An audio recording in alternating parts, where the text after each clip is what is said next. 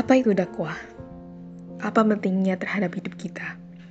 Pertanyaan yang tidak semua orang paham dan bisa menjawab dengan gamblang. Terlahir sebagai seorang muslim, tidak membuatku langsung paham apa tujuan dan fungsi diri ini yang dikelompokkan sebagai seorang manusia yang diciptakan. Mengenyam pendidikan selama 12 tahun di madrasah dan juga berada dalam bimbingan orang tua yang cukup islami pun tidak menjamin diri saya untuk secara langsung memahami apa fungsi saya hidup. Tepat sejak saya merantau, melanjutkan pendidikan di perguruan tinggi, tepatnya di tahun kedua kuliah, saya baru menyadari dan memahami, bahkan merenungi apa fungsi manusia diciptakan. Ya, itulah masa di mana saya mulai memahami dakwah sangat penting bagi hidup kita. Manusia hidup tidak hanya tentang bagaimana kita bisa bertahan hidup dengan memenuhi kebutuhan makan, tempat tinggal, pendidikan, pekerjaan, keluarga, pertemanan, sholat, puasa, zakat, haji, dan sebagainya. Ada sebuah nilai dasar yang harus dipahami dan disadari dengan sepenuh hati. Kenapa kita melakukan ini? semua sebagai seorang manusia. Dakwah, apa itu dakwah? Dakwah adalah amanah utama manusia itu sendiri. Setelah memahami apa tujuan manusia diciptakan di muka bumi oleh Allah Subhanahu wa taala. Bahkan sampai ada perdebatan oleh malaikat bahwa memang tugas manusia itu di muka bumi adalah untuk berdakwah menebarkan kebaikan dan perbaikan. Sulit, tentu saja, butuh banyak pengorbanan.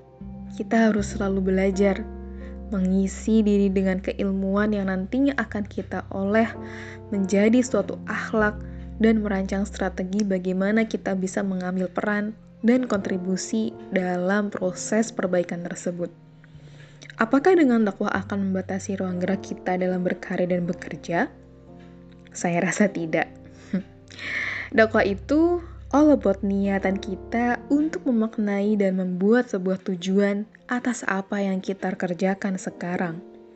Karena Allah pun tidak memberikan sebuah standar spesifik dan terbatas tentang peran apa yang kita ambil.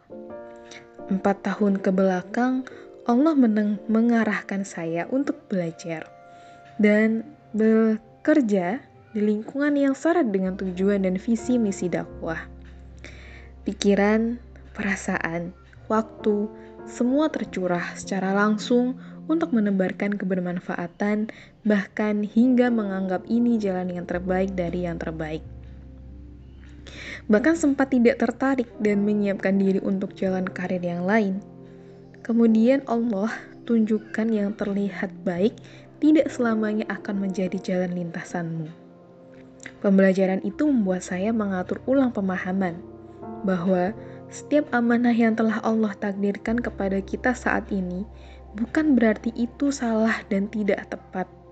Ada sebuah tujuan, ya, menebarkan kebaikan yang menjadikan kita bisa maknai arti dakwah dengan segala peran dan amanah yang saat ini kita emban. Kita tentu punya sebuah mimpi yang tentu terbentuk atas referensi hidup orang lain, yang bahkan secara tidak sadar kita sering dengan mudah menyebutnya kehidupan yang diidamkan.